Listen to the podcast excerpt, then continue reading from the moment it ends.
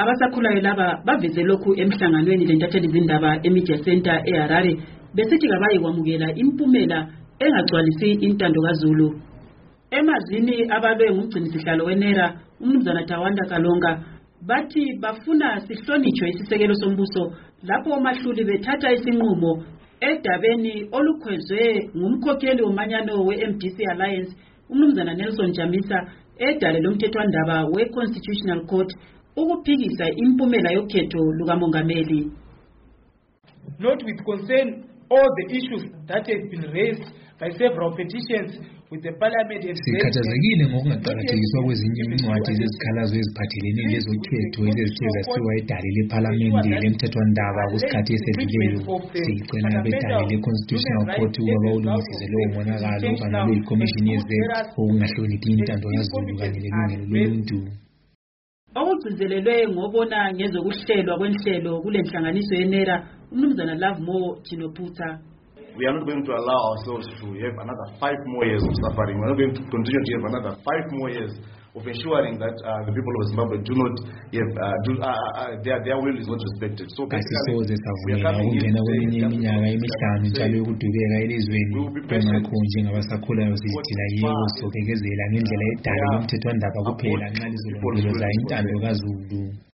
Omunye wabasakhulayo laba uThathenda Chigwada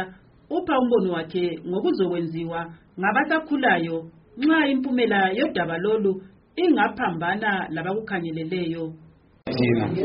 vele sifisa ukuthi izec ibe reformed as we go forward so njengabantu abatsha siqhubekela phambili sikhuthaza abantu bonke ukuthi siyabe sikhona ngale sithi We are going forward, forward until Kabange government illegitimate Japanese. Abasakhulayo laba bathi kumele sihlonitshwe isisekelo sombuso ilandelwe intando kazulu ayiveze ngevoti yakhe kukhetho luka-30 Ntulikazi onguyena owalunqobayo abethwe lidale hatshi ukwethuselwa kwabomahluli ukuba bethule okuthandwa ngabalutshwana ngimele istudio seven ngiseharare ngingumavis gama